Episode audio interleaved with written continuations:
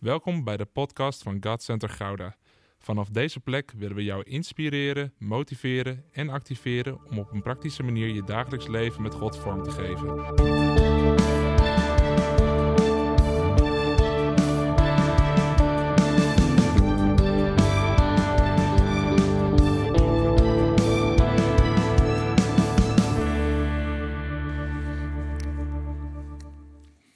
Vorige week zijn we begonnen met deze nieuwe serie. Ik heb genoten, ik hoop jullie ook. Halleluja. En we gaan vandaag gaan we verder. En ik heb er al de hele week weer zin in. Want dat gebeurt dan als je in zo'n serie zit. Ik heb nu ook al zin in volgende week. Maar, maar ik had ook al de hele week zin in deze. Want we gaan het vandaag hebben vanuit dat, dat ongemakkelijk, ongehuwd. Met de on, tussen haakjes gaan we nu kijken naar van oké, hoe komen we over dat gemakkelijke thema te spreken? Daten. Eén iemand durft geluid te maken, de rest zit, oh nee, oh nee. Als je maar niet dichtbij gaat komen nu. Nou, op de vier... Nee hoor. We gaan het hebben over daten. Want er is een grote misvatting rondom daten. Er zijn er meerdere, daar gaan we zo even naar kijken. Maar een van die grote misvattingen is dat het vooral gaat om weet wie je date. Weet wie je date. Maar het gaat niet om weet wie je date allereerst, maar het gaat eerst om weet hoe je date. Want als je daar bewust mee bezig bent, dan ga je op een gezonde manier ga je daten. En ga je op een gezonde manier van daaruit ook een relatie kunnen bouwen. En daar gaan we vandaag naar kijken. En ik geloof dat je gestegend gaat worden als je nog single bent. Zijn er nog singles hier? Oké. Ik geloof dat er een stuk herstel kan plaatsvinden als je al een partner hebt. Zijn er nog mensen met een partner hier? Oké, ik heb nu alleen maar vrouwen gehoord. Zijn er ook nog mannen hier? Lekker! Hey! Goed zo. Ik was even bang. Ik denk, ik denk van, hey. ik, dacht, ik dacht van, hebben we nou gezegd de eerste dienst de man en tweede dienst de vrouw? Maar dat is niet. Nee, nee, nee. Maar dit is een belangrijk onderwerp. En heel vaak wordt er zo krampachtig over gedaan. Je schiet al bijna in een kramp als je dat woord hoort in de kerk. Maar laat me even een paar dingen neerleggen. Daten, dit is een gratis tip, is geen theologisch onderbouwd iets. Maar daten, pas vanaf je achttiende. Vanochtend waren er heel veel ouders, die stonden bijna op hun stoel, echt waar.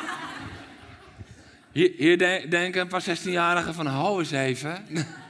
ja, ja, dat is gewoon een gratis tip. waarom? Omdat ik je zo direct ga laten zien dat er voordat er gedate wordt, dat er nog iets anders moet gebeuren.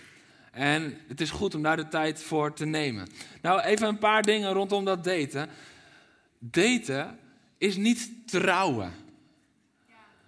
Man, soms in de kerk zijn we zo verkrampt rondom als er iemand gaat daten. Weet je, het is gewoon ongemakkelijk. En niet voor degene die aan het daten is, maar het wordt het voor diegene. Als mensen vragen van, oh en, wanneer is de bruiloft? Gast, ik heb anderhalf bakje koffie gedronken. Doe normaal. Zo is het, hè? In de kerk zijn we er echt in geslaagd om dit heel ongemakkelijk te maken, hè? En het is tijd om dat ongemak eraf te halen. Want we moeten die singles even een beetje lucht geven. Ontspannen. Ja, want zij zitten te zuchten om jullie gedrag. Ja, maar ze moeten weer wat lucht krijgen. Zodat ze gewoon op een ontspannen manier iemand kunnen leren kennen. En het is nog geen trouwring, het is nog geen huwelijksaanzoek. Het is gewoon kijken van klikt dit. Dat is een date. Een date is nog geen relatie, het is nog geen aanzoek, het is nog geen bruiloft. Het is gewoon ontdekken, klikt dit. Nou, het tweede is, daten is niet zondig. Dit zit ook nog bij sommigen in hun hoofd. Dat je denkt, ja nee, daten, nee, nee, ik moet het van de Heer horen. En dan in één keer een relatie. En anders doe ik het op de verkeerde manier. Nou, er zijn heel weinigen die van tevoren horen van de Heer wie het zal zijn. Er zijn er ook nog weinig die daar dan goed mee omgaan als ze het horen. Dat is een ander verhaal, andere preek. Maar daten is niet zondag, maar weet hoe je date. Daten is niet zondag als God eraan verbonden is. Gaan we zo direct dus uitgebreid bij stilstaan. Maar het hoeft niet van tevoren helemaal duidelijk te zijn. Je kan elkaar gewoon ontmoeten. Je kan een avondje gaan schaatsen. Je kan een avondje gaan bowlen. Je kan een spelletje spelen. Weet je ook gelijk hoe iemand echt is? Ja, ja. Want dan leer je elkaar echt kennen. Ik heb nog een leuk verhaal over, over Peter Meij, maar dat, komt, dat was in ons huwelijk, dus dat komt later. En, en daten is niet moeilijk. Nou, nou, daten is niet moeilijk. We maken het heel moeilijk, maar daten is niet moeilijk. Weet je waarom we het zo moeilijk maken? Omdat we ons beter willen voordoen dan dat we zijn. We willen vooral dat goede en dat mooie. En we trekken als het ware een jasje aan dat niet helemaal lekker past. En daarom maken we het onszelf zo moeilijk, want we zitten er verkrampt. Want de ander moet mij wel heel erg leuk vinden. Maar waarom ben je zo geobsedeerd dat die ander jou zo leuk moet vinden? Omdat je nog niet zo zeker weet of je jezelf wel leuk genoeg vindt. Weet hoe je date. Weet wat er moet gebeuren vooraf. Maar daten is niet moeilijk als er twee mensen zitten die zichzelf kennen in God.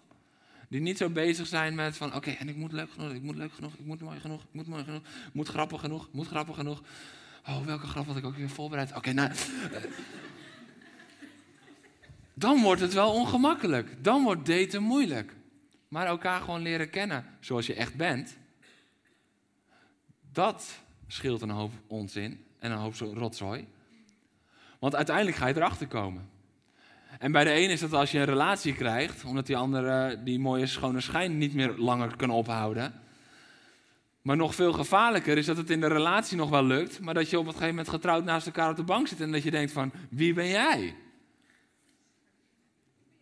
Want je deed je altijd al zo voor, maar nu roep je deze dingen.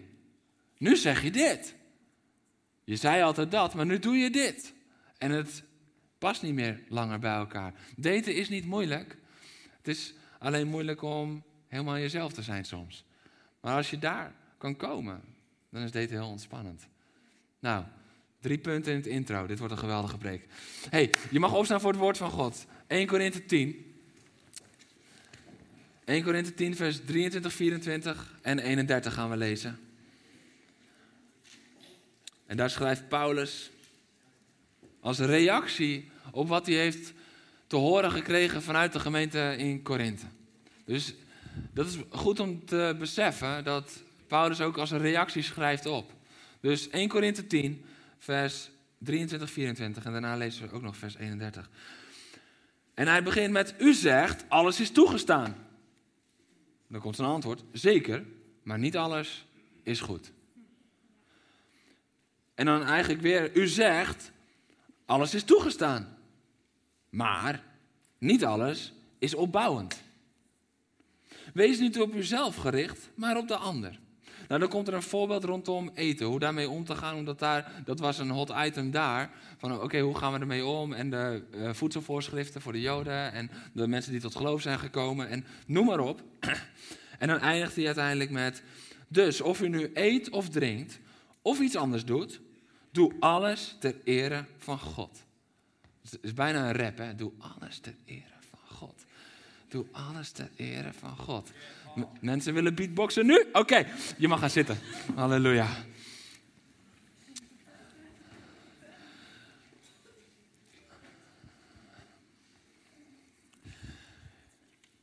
Een gezonde date begint ver voordat je iemand ontmoet.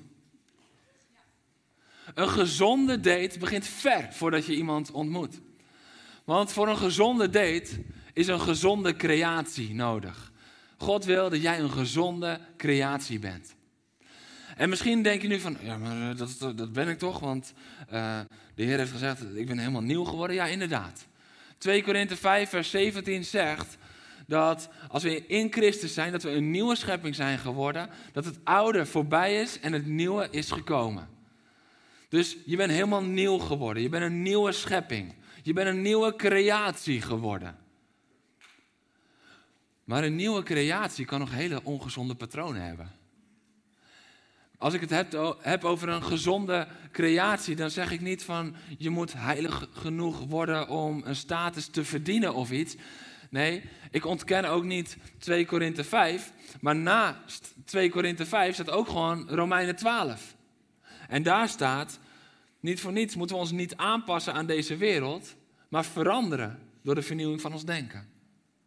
Dus we zijn een nieuwe creatie geworden. En God roept ons op om te veranderen door een vernieuwing van ons denken.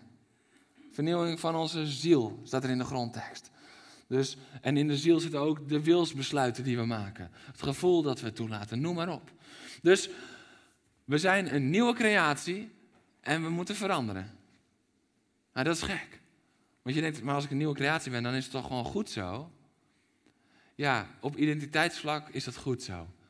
Jij kan met alles wat je doet en alles wat je meemaakt en alle keuzes die je maakt, kan je niets veranderen aan de identiteit die je hebt gekregen in Christus. Laat dat duidelijk zijn. Maar dat jij die nieuwe creatie bent, betekent nog niet dat je ook gezond daarin wandelt. Want anders zou Paulus nooit kunnen schrijven naar de gelovigen in Rome dat ze moeten veranderen. Want het is niet zo dat Paulus naar de gemeente schrijft, u bent een nieuwe schepping, en naar de nog niet gelovigen een brief schrijft, u moet veranderen. Nee, dat is allebei naar dezelfde doelgroep. Andere gemeente, maar allebei naar de gemeente van Christus. Dus Paulus is hier heel duidelijk in twee verschillende brieven. We zijn een nieuwe schepping geworden, maar we moeten nog steeds veranderen. En we moeten ons niet aanpassen aan deze wereld. Dus we moeten een gezonde creatie worden. Want je kan heel goed een nieuwe creatie zijn, maar heel ongezond nog leven. En dit is essentieel ver voordat je begint aan daten. Want je date gaat jou niet gezond maken. Dat is je relatie met God. Dat is je ontwikkeling in Hem. En het is zo essentieel dat we daar goed bewust van zijn en daar goed bij stil durven staan. Want deze twee versen die die spreken elkaar niet tegen. Nee, ze vullen elkaar aan. Ja, op identiteitsvlak. Jij een nieuwe schepping. Maar tegelijkertijd die oproep, maar ga gezond leven. Word veranderd door de vernieuwing van je denken. Durf die vernieuwing toe te laten. Sterker nog, strek je uit naar die vernieuwing. Want als je dat niet doet, dan ben je ook nog niet klaar voor die anderen in je leven. Daar komen we zo direct uitgebreid op. Je kan een nieuwe schepping zijn met ongezonde gedachten of ongezonde patronen. Want wanneer je ongezond bent, zal je uiteindelijk, als je verwond bent, ook minder goed voor jezelf zorgen en minder goed voor anderen kunnen zorgen. En dat is dus niet van, oh, maar ben ik dan wel die nieuwe schepping geworden? Nee, jawel, maar je mag gezond worden. Dus voel nu ook niet van, oh, maar dan vindt God me zeker toch niet goed genoeg. Dat zegt het woord niet. Oh, ben ik nog niet goed genoeg om te daten? Nou, dat bepaal ik zelf. Dat zeg ik helemaal niet. Je bent goed genoeg. Alleen ik gun je dat je ook gezond genoeg bent.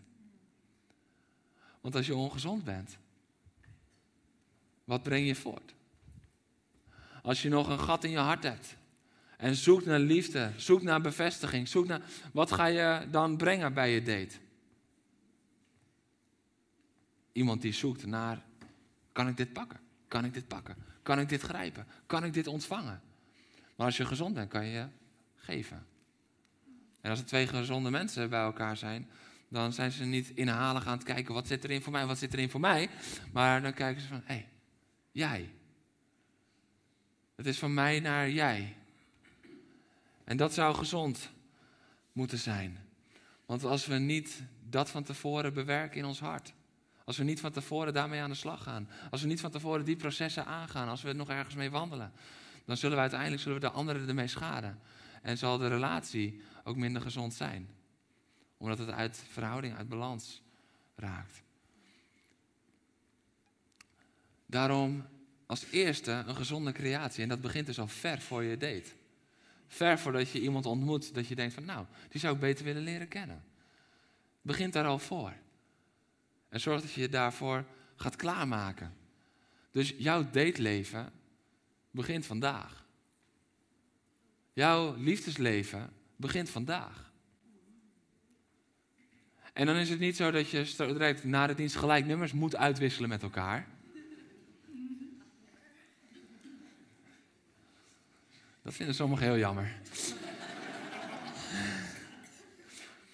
Maar dat betekent dat je vandaag de keuze maakt. Maar ik zorg dat ik goede grond word. Ik zorg dat ik er klaar voor ben. Ik zorg dat ik niet alleen die nieuwe creatie me toe-eigen, wat ik al ben geworden in Hem, maar ik zorg dat ik ook als een gezonde creatie kan wandelen elke dag. Dit is onmisbaar en essentieel. Hoe gezonder je denken, je zelfbeeld en je godsbeeld, hoe gezonder je keuzes maakt voor je liefdesleven. Heeft allemaal met elkaar te maken. En waarom is dit dan zo belangrijk? Omdat op het moment dat we dat gaan loskoppelen. Ja, maar mijn zelfbeeld, nee, maar ik vind hem gewoon heel erg leuk. Dan gaan we tegen dingen aanlopen, want je wordt ongezond afhankelijk van hem. Ja, nee, maar ik weet dat ik nog die woede-issue heb door wat me vroeger is aangedaan, maar ja, ik, ik, ik heb het leuk met haar. Ja, maar er komen ook momenten dat ze je gaat triggeren. Echt waar. Je partner triggert je af en toe. En als diegene dat niet doet, ren dan naar huwelijkspastoraat. Want dan is er iemand die niet helemaal dezelfde durft te zijn of zichzelf durft te zijn. En alleen maar op tenen loopt om jou maar niet te triggeren. Want je bent twee aparte mensen die op weg zijn naar samen worden. En als je getrouwd bent, samen zijn. Dus het is niet erg dat je elkaar af en toe triggert. Het is alleen vervelend als daar nog hele ongezonde zaken uit voortkomen. Maak jezelf gezond voordat je begint te daten. Nu snap je misschien ook dat ik zei, doe het pas vanaf je achttiende. Sommigen denken nu, nou, laten we dan maar de grens op 30 leggen. Dan zijn we in ieder geval hebben goed tijd om dat gezond te maken. Het is natuurlijk geen, geen wet, zo'n leeftijd. Maar zorg in ieder geval dat je er klaar voor bent. En dat je gezond... Moet het dan helemaal perfect zijn? Nee. Nee, maar wees gezond. En gezond betekent niet dat je geen fouten meer kan maken. Het betekent niet dat er niet af en toe nog een trigger pijn doet. Die trigger kan nog wel pijn doen. Maar dat er een gezonde reactie opkomt in plaats van een hele ongezonde uitspatting. Dat is gezond. Dus denk niet dat je volkomen volmaakt. Nee, dat is in de hemel. Dan uh, eindigen we allemaal zonder partner als we daarop gaan wachten. Oké, van gezonde creaties, gezonde mensen, krijgen we gezond daten. Dan kan je gezond gaan daten. En als je denkt van oké, wat is nou gezond daten? Dat is gewoon heel simpel, daten met God. Daten met God. En heel vaak maken we dan de, de lijstjes van prioriteiten in ons leven. En dan zeggen we, God staat op nummer één in mijn leven. En dan op nummer twee mijn familie. En nummer drie de kerk. Nummer vier mijn werk. Uh, nummer vijf de date. Uh, en als we daar nou zo in zitten, dan kan het zomaar zo zijn dat nummer drie, twee, nummer vier, nummer vijf eigenlijk losgekoppeld zijn van nummer één. Want God op nummer één zetten in je leven, dat is niet Gods bedoeling. God wil verweven zijn met alles in je leven. Hij zegt niet, zet mij op nummer één en doe die andere dingen dan zelf. Nee, hij zegt nee, ik wil verweven zijn in al die facetten van je leven. Dus hij wil verweven zijn met onze relatie met onze familie. Hij wil verweven zijn met ons werk, met onze kerk, met ons liefdesleven. Hij wil verweven zijn. Dus soms maken we nog zo'n krom ding van een lijstje, maar dan kunnen we God bijna nog loskoppelen van de dingen die onder hem komen. Maar wat als we gewoon een grote cirkel zouden tekenen en zeggen: Dit is alles wat ik in God doe. En dan alle dingen van ons leven erin zetten. En dan is het goed om soms een prioriteitenlijstje te maken. Maar dan in God. Hij verweven met alles in ons leven. God verweven in ons liefdesleven. Dat is wat hij verlangt. Nou, dat is daten met God. God niet op nummer één in mijn leven, maar God in alles verweven. En dan komen we bij die tekst die we net hebben gelezen. 2 Korinthe 10. 1 Korinthe 10. Sorry, het was 2 Korinthe 5 net. 1 Korinthe 10. Dat Paulus zegt, en laat alles wat je doet ter ere zijn van God. Alles wat je doet tot ere zijn van God. En sommige mensen die zeggen dan van, ja maar Jeroen, uh, wat het is, is, dit gaat over het eten en drinken, want dat was daar een issue en daar spreekt hij over. Maar dat is niet waar. En ik heb er twee onderbouwingen voor. Eén, de brief gaat over een breder geheel. En hij heeft het niet alleen daarover, maar daarvoor gaat het ook over het, het leven met God. Het mooie daarin is ook nog eens dat als het echt alleen over het eten en drinken zou gaan, zou hij het vers anders hebben geschreven. Dus of je nu eet of drinkt, doe alles ter ere van God, had hij dan gezegd. Maar dat schrijft hij niet. Dus of je nu eet of drinkt, of iets anders doet. Of wat het dan ook is. Of iets anders. Doe het ter ere van God. Wat er ook speelt in jouw leven, welke keuzes je ook moet gaan maken, doe het ter ere van God. Wie je ook zou willen daten, doe het ter ere van God. In welke relatie je ook zit, doe het ter ere van God. Waar je ook werkt, doe het ter ere van God. Alles in je leven staat dit boven. Doe het ter ere van God. En dit is zo belangrijk, want we leven zo vaak meer vanuit vers 23 en 24 als vanuit vers 31. Daarom hebben we deze samen gelezen. Want in vers 23 en 24 staat: U zegt, alles is toegestaan. Zeker, maar niet alles is goed. Nou ja, het is misschien niet goed, maar het is het onderzoeken waard, zeggen we dan. En alles is toegestaan. Ja, maar niet alles is opbouwend. Nou, dan moeten we eens gaan kijken of het ons opbouwt, zeggen we dan. Maar Paulus is hier in een opbouw van een ultiem betoog. En daarom kan je niet uit vers 23 en 24 preken zonder vers 31. Want dan kom je er eigenlijk op uit van ja, ja, alles is toegestaan, chill. Dus we kunnen toch een beetje gaan uitzoeken. Een beetje, en dan moeten we onderweg maar bedenken van, was dit opbouwend? Nee? Oké, nou dan misschien niet meer. Maar dat is niet het hart van God. Het hart van God is niet dat wanneer jouw liefdesleven vorm krijgt verder, dat het nou ja, in ieder geval opbouwend is. Of dat het in ieder geval goed is. Is het ter ere van God? Dat is de vraag. Is hij verweven daarin ook met je liefdesleven? Moet je opletten. U zegt alles. Onthoud dat woord alles is toegestaan. Zeker, maar niet alles is goed. Alles is toegestaan, maar niet alles is opbouwend.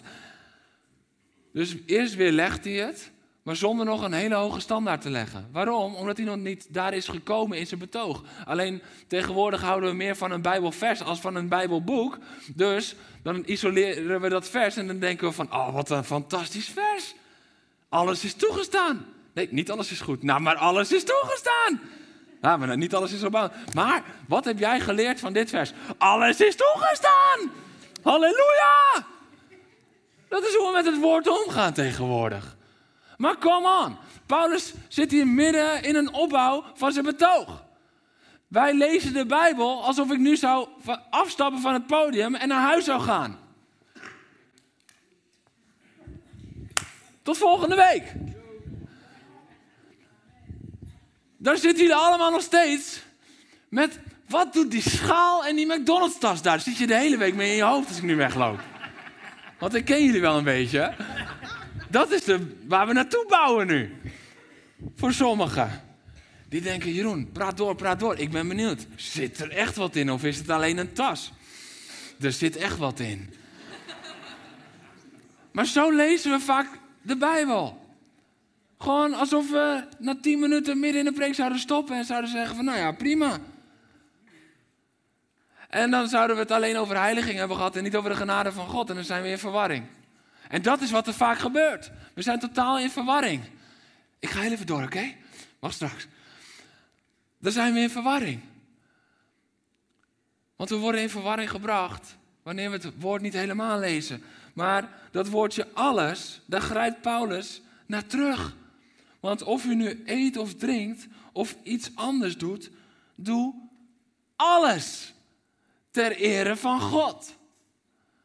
Dus dit is het einde. Dit is de climax van zijn hele betoog. Jullie kunnen zeggen, alles is toegestaan. Nee, maar niet alles is opbouwend. Alles is toegestaan. Ja, maar niet alles is nuttig. Ja, alles is toegestaan. Nee, maar het gaat erom, die alles draait alleen maar om, doe alles ter ere van God. En wanneer we dat gaan doen, dan wordt daten een heel gezond iets.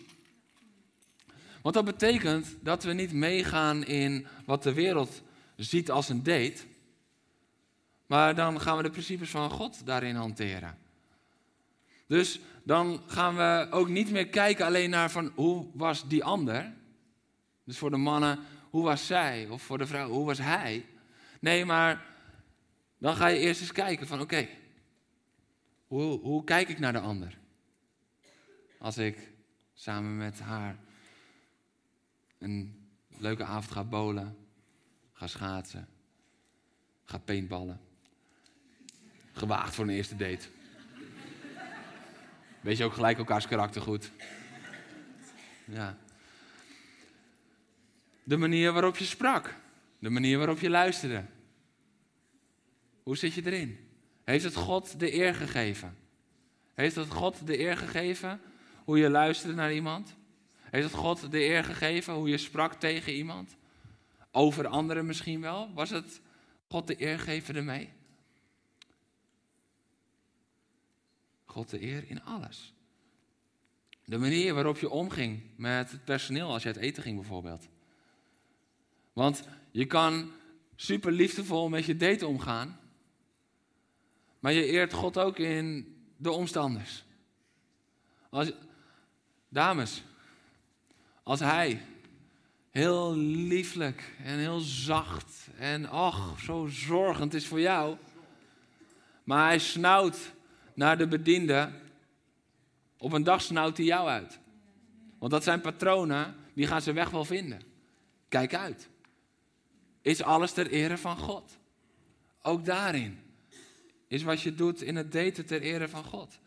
Bewaar je je heilig voor elkaar ter ere van God.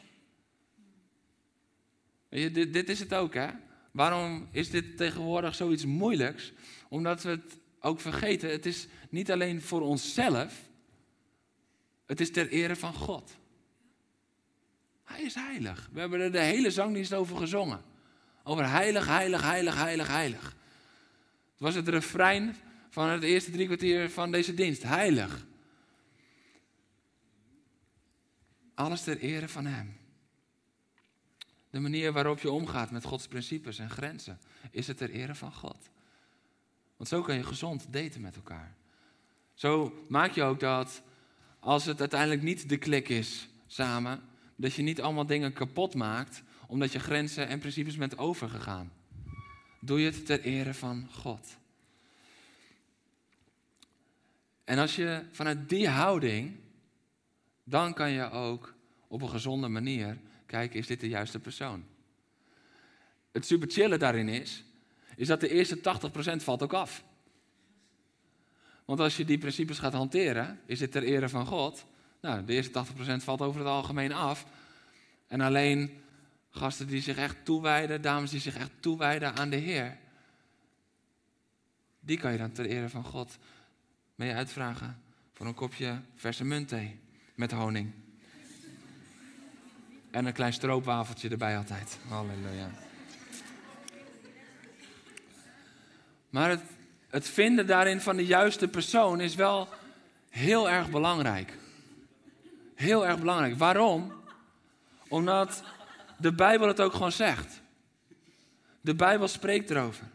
In dezelfde brief aan de Korinthe, 1 Korinthe 15. Maar vergis u niet, slecht gezelschap bederft goede zeden.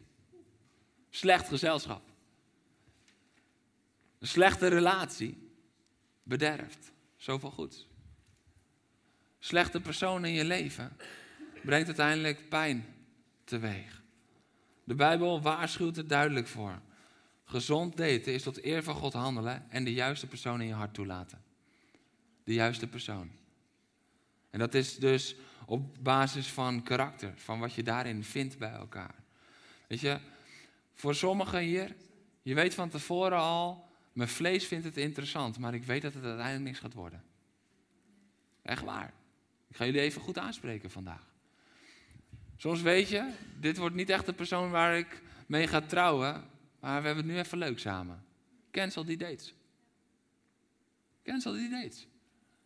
Het gaat je alleen maar verwonden, het gaat je alleen maar pijn doen, levert alleen maar ellende op.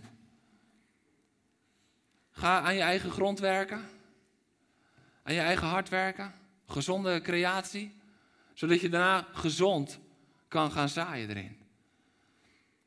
Weet je, het moet een alarm zijn als iemand te veel uit is op je lichaam. Het moet een alarm zijn. Is niet oké. Als iemand steeds net over die grens probeert te gaan, is niet oké. Als iemand de grenzen deelt opzoekt, is niet oké. Want dat is gewoon jouw verleiden om de grenzen te verleggen. Is niet oké. Iemand die je echt eert en waardeert en respecteert, die zal niet zo dicht mogelijk op de grens blijven zitten, maar zo ver mogelijk van je grens vandaan blijven. Dat is echte liefde.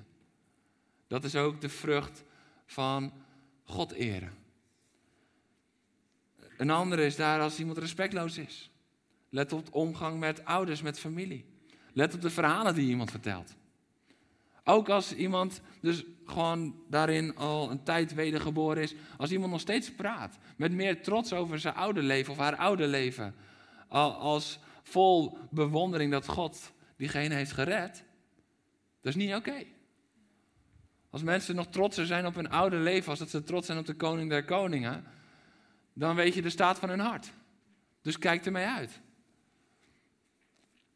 En welke plaats heeft God in iemands leven? Dit is een hele belangrijke. Ik heb het vorige week al even genoemd, maar een ongelijk span gaat niet samen lopen. Uiteindelijk zit je samen langs de weg, omdat het niet gaat. En verwond.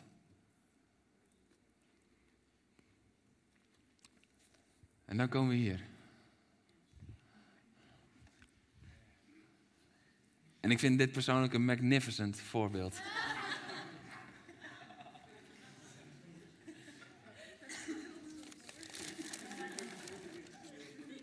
Deze was niet ingestudeerd, nee, nee. Deze kwam in de eerste dienst opeens.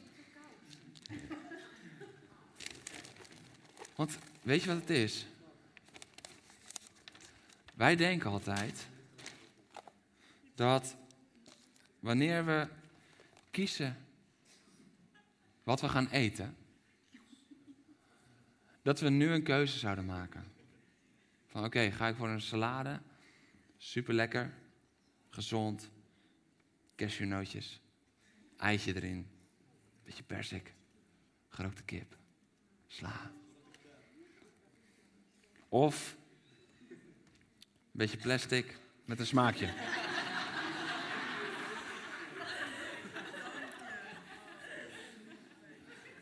Wij denken vaak dat we op het moment dat we gaan eten de keuze maken. Maar dat is niet zo.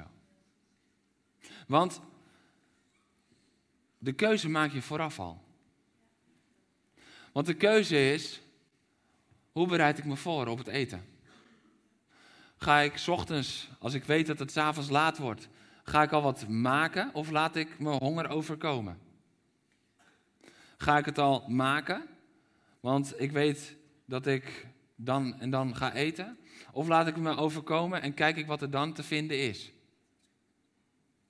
Luister dit met daten in je achterhoofd. Het is ook, hoe wil ik eten?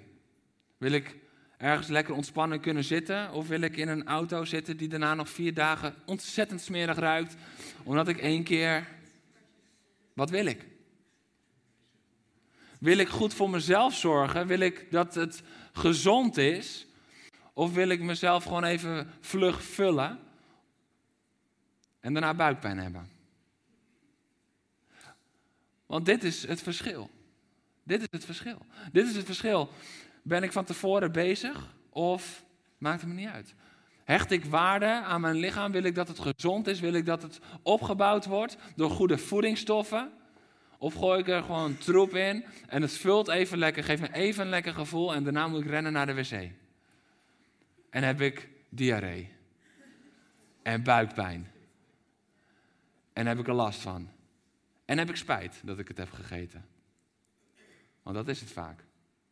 Weet je hoeveel mensen ik heb letterlijk heb horen zeggen nadat ze bij de Mac hebben gegeten? Ik voel me vies. Gewoon, ah, die buik doet zeer. Nou, ik heb nog nooit iemand horen zeggen na een salade. Nou, ik voel me vies. Nee. Maar dit is net als daten.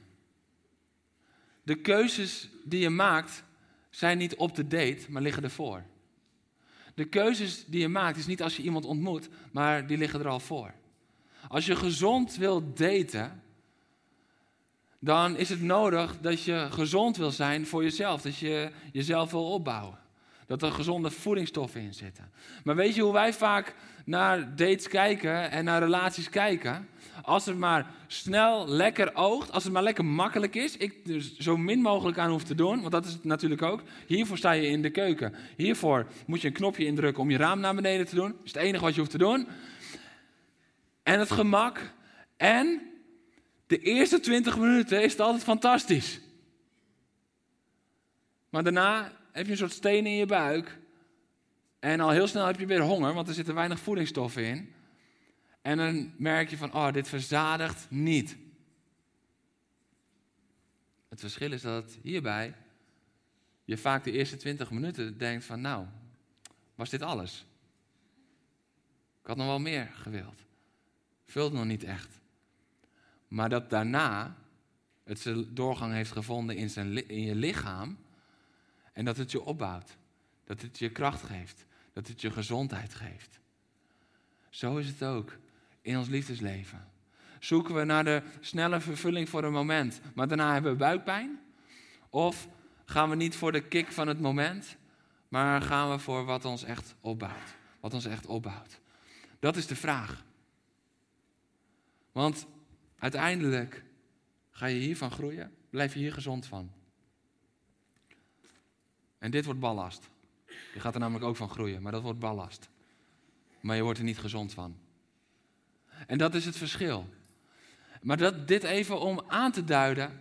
Het is niet zo dat je op het moment dat je gaat kiezen wat te eten, dat dat je eerste keuzemoment is.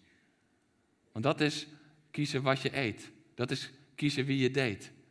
Maar we hebben het vandaag over de stappen daarvoor, de keuzes die je daarvoor maakt. Weet hoe je date. Weet hoe je date. Want dat gebeurt van tevoren. De afweging, de keuze. Wil je dat het je overvalt? Dat je maar iets kiest? Of ben je bewust en bereid je je voor? Want als je kiest om jezelf voor te bereiden, komen er gezondere dates, gezondere relaties uit. Weet je, als je binnenkort een keer op date gaat, heb ik de ultieme openingszin voor je. Zeg gewoon, wil jij mijn salade zijn? en doe je zo je wenkbrauw omhoog. En dan heb je twee kansen. Of diegene was hier of heeft de livestream gezien. Of diegene rent weg. Nou ja, dat gaan we zien, dat gaan we zien. Maar de kern van je keuze zit dus ervoor. De kern van je keuze zit ervoor. Als je in de McDrive staat, dan is het niet meer de keuze van oké, wat zal ik gaan eten? Dan weet je gewoon, het wordt zoiets. Maar daarvoor, thuis, heb je al een keuze gemaakt. En let op, want een gezonde jij, die zoekt naar een gezonde hij of zij, wordt een mooie wij. En dan is iedereen blij. Ja. Een gezonde jij, die vindt een gezonde hij of zij, dat wordt een mooie wij. En dan is iedereen blij. Beter zijn we gezond. Als je nu nog een keer nodig hebt, moet je de livestream terugkijken. We gaan door, we gaan door. Want vanuit gezonde dates komen gezonde relaties. En dan ga ik even verder. Misschien kan iemand deze heel even aan de kant schuiven, want dan kan iedereen het uh, ding zien. Thanks. Want Jezus zegt in Matthäus 12, zegt hij, aan de vrucht herkent men de boom. Maar ik zeg je één ding. In de relatiezaken, in je liefdesleven, is het een beetje laat om uit, aan de uiteindelijke vrucht te gaan zien, was dit nou een goede keus? Maar dit is vaak hoe we er wel bijna mee omgaan. Oké, het voelt goed, lijkt goed, te gek, we gaan door. Maar uiteindelijk zijn er een aantal stappen om de gezonde vrucht aan die boom, aan die plant te krijgen. Nou, het eerste is, we hebben het erover gehad, die gezonde creatie. Dat is de grond. Zorg dat jij gezonde grond bent. Want als je ongezonde grond bent, dan zal het uiteindelijk niet gezond gaan groeien. Zoals Jezus ook in zijn gelijkenis van de zaaier vertelt. Als het doorn en distel zijn, dan zal het verstikken. Als het te veel rotsen zijn, dan zal het niet opkomen. Als het überhaupt een weg is, zal het niet eens inzakken. Nee, zorg dat je gezonde grond bent. Een gezonde creatie. Nou, de volgende stap is dat er wordt gezaaid. En dat is het daten. Zorg dat je op een gezonde manier zaait. Gezond richting een date. Gezond de juiste persoon. Gezond jouw hartshouding tijdens het daten. Want dat is het eerste zaad dat je zaait. En het zaad bepaalt uiteindelijk welke vrucht er komt.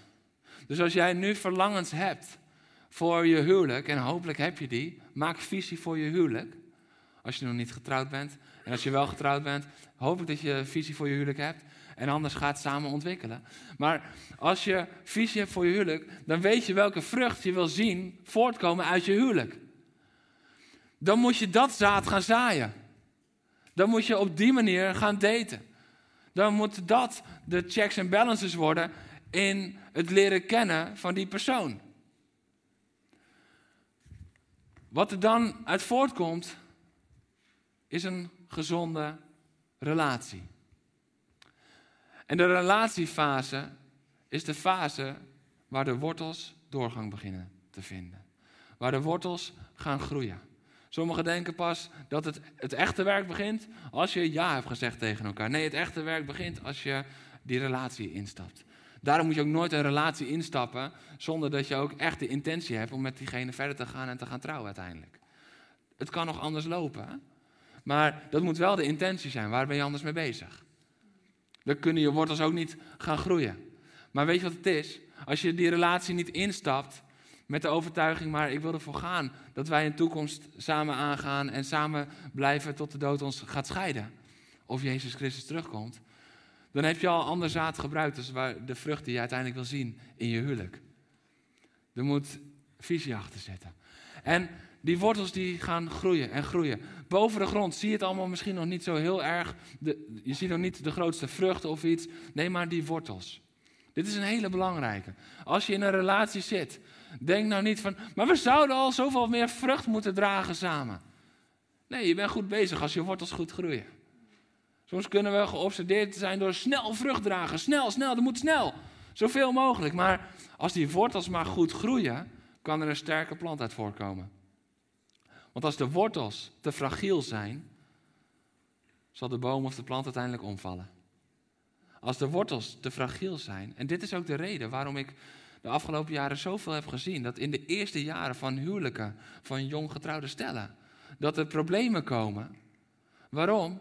Ze hebben in een relatietijd, hebben ze niet de tijd genomen om echt die wortels.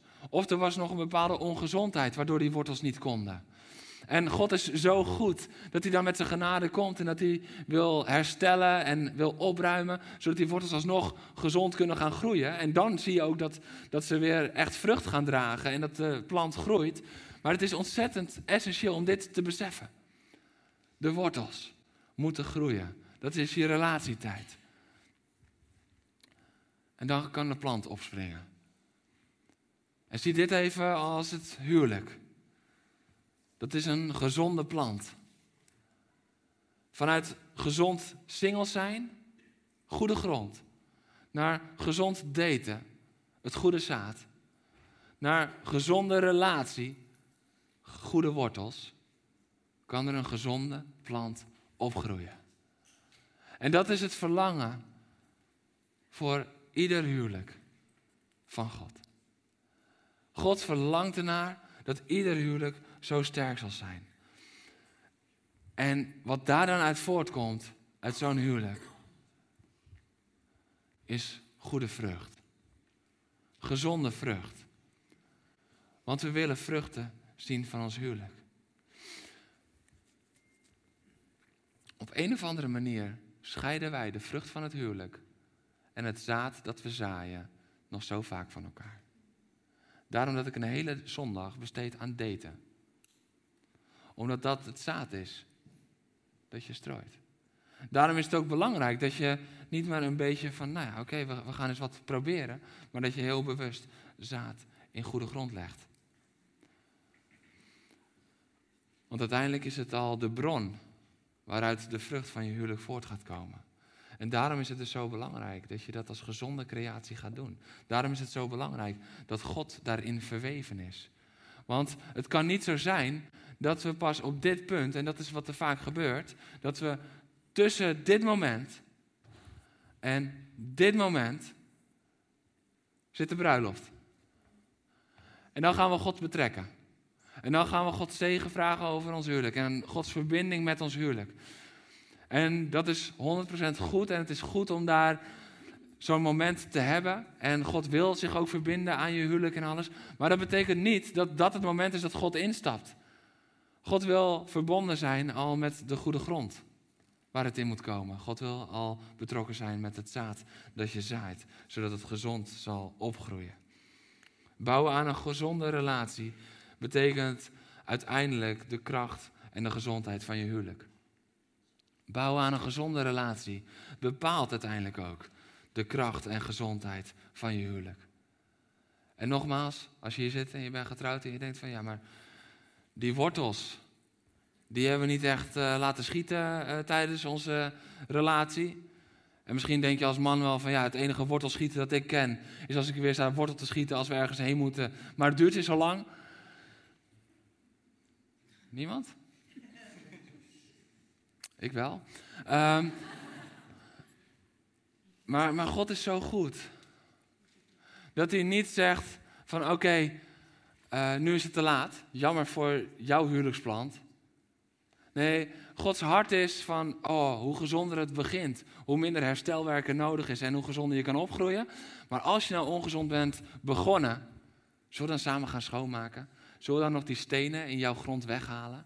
En zullen we dan nog die doornen en die distels eruit gaan trekken? Zodat die wortels uiteindelijk nog veel rijker kunnen worden. En uiteindelijk die plant dus ook weer sterker en steviger kunnen worden. Zodat je uiteindelijk wel die vrucht gaat zien die je nu misschien niet ziet. Want de wortels hebben veel gezond water en gezonde grond nodig om de vruchten voor te brengen. Want dat is het zwaarste gedeelte als het ware van de plant.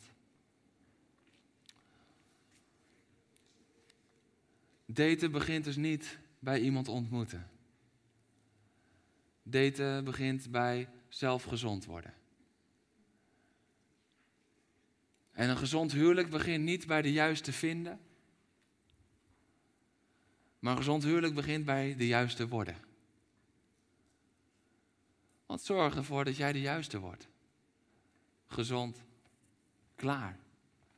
Niet binnenhalend, maar gevend. Niet vanuit onzekerheid, maar vanuit de geborgenheid van God, wetend. En misschien zit je hier als ouder of als stel al en denk je van ja, deze fase hadden we dit maar eerder gehoord. Ik zeg je eerlijk, ik had gewild dat ik dit eerder had gehoord. Ik had gewild dat mijn voorganger het op mijn 13e, 14e, 15e dit, dit, dit mij had geleerd. Maar dan is de boodschap wel één, God is niet te laat om te herstellen. En de tweede boodschap is, zorg dat jij de boodschapper wordt van deze waarheid. Want jij zit hier, maar jij hebt mensen om je heen. Misschien heb je nu al mensen waar je aan denkt, dat je denkt van oké, die, die zouden dit moeten horen. Die zouden gezonde grond moeten worden. Of, of die moet ik bewaren voor dat verkeerde zaaien. Ga dit met ze delen. Ga dit met ze delen. Als je single bent, sluit het in je hart. Als je in verkering zit, sluit het in je hart en ga deze principes vormgeven. Als je getrouwd bent, zoek herstel waar nodig en ga meer vrucht dragen met elkaar. Maar denk daarin ook verder als alleen jezelf. Dit is een boodschap die de jongeren in de wereld nodig hebben. Dit is een boodschap die discipelen van Jezus nodig hebben. Want er wordt veel te weinig gesproken over daten. Ik liet gisteravond liet ik Petra nog even mijn aantekeningen lezen. En weet je wat ze zei? Ik heb eigenlijk nog nooit een preek gehoord over daten. Het gaat wel over relaties soms. Het gaat soms wel over het huwelijk. Heel soms gaat het over seks. Maar in de kerk wordt eigenlijk helemaal niet over daten gesproken. Het is alsof we daten zijn vergeten. Omdat we het zo ongemakkelijk vinden en zo spannend vinden en zo. Maar daten is het zaad waar de vrucht uit voortkomt van je huwelijk. Dus doe het gezond. Zorg dat het op orde is. En maak je klaar om uiteindelijk supergezonde vrucht te gaan dragen. En dat begint dus al ver voordat je iemand ontmoet. Het gaat vandaag niet over weet wie je deed, maar dat komt voort uit weet hoe je deed. Amen.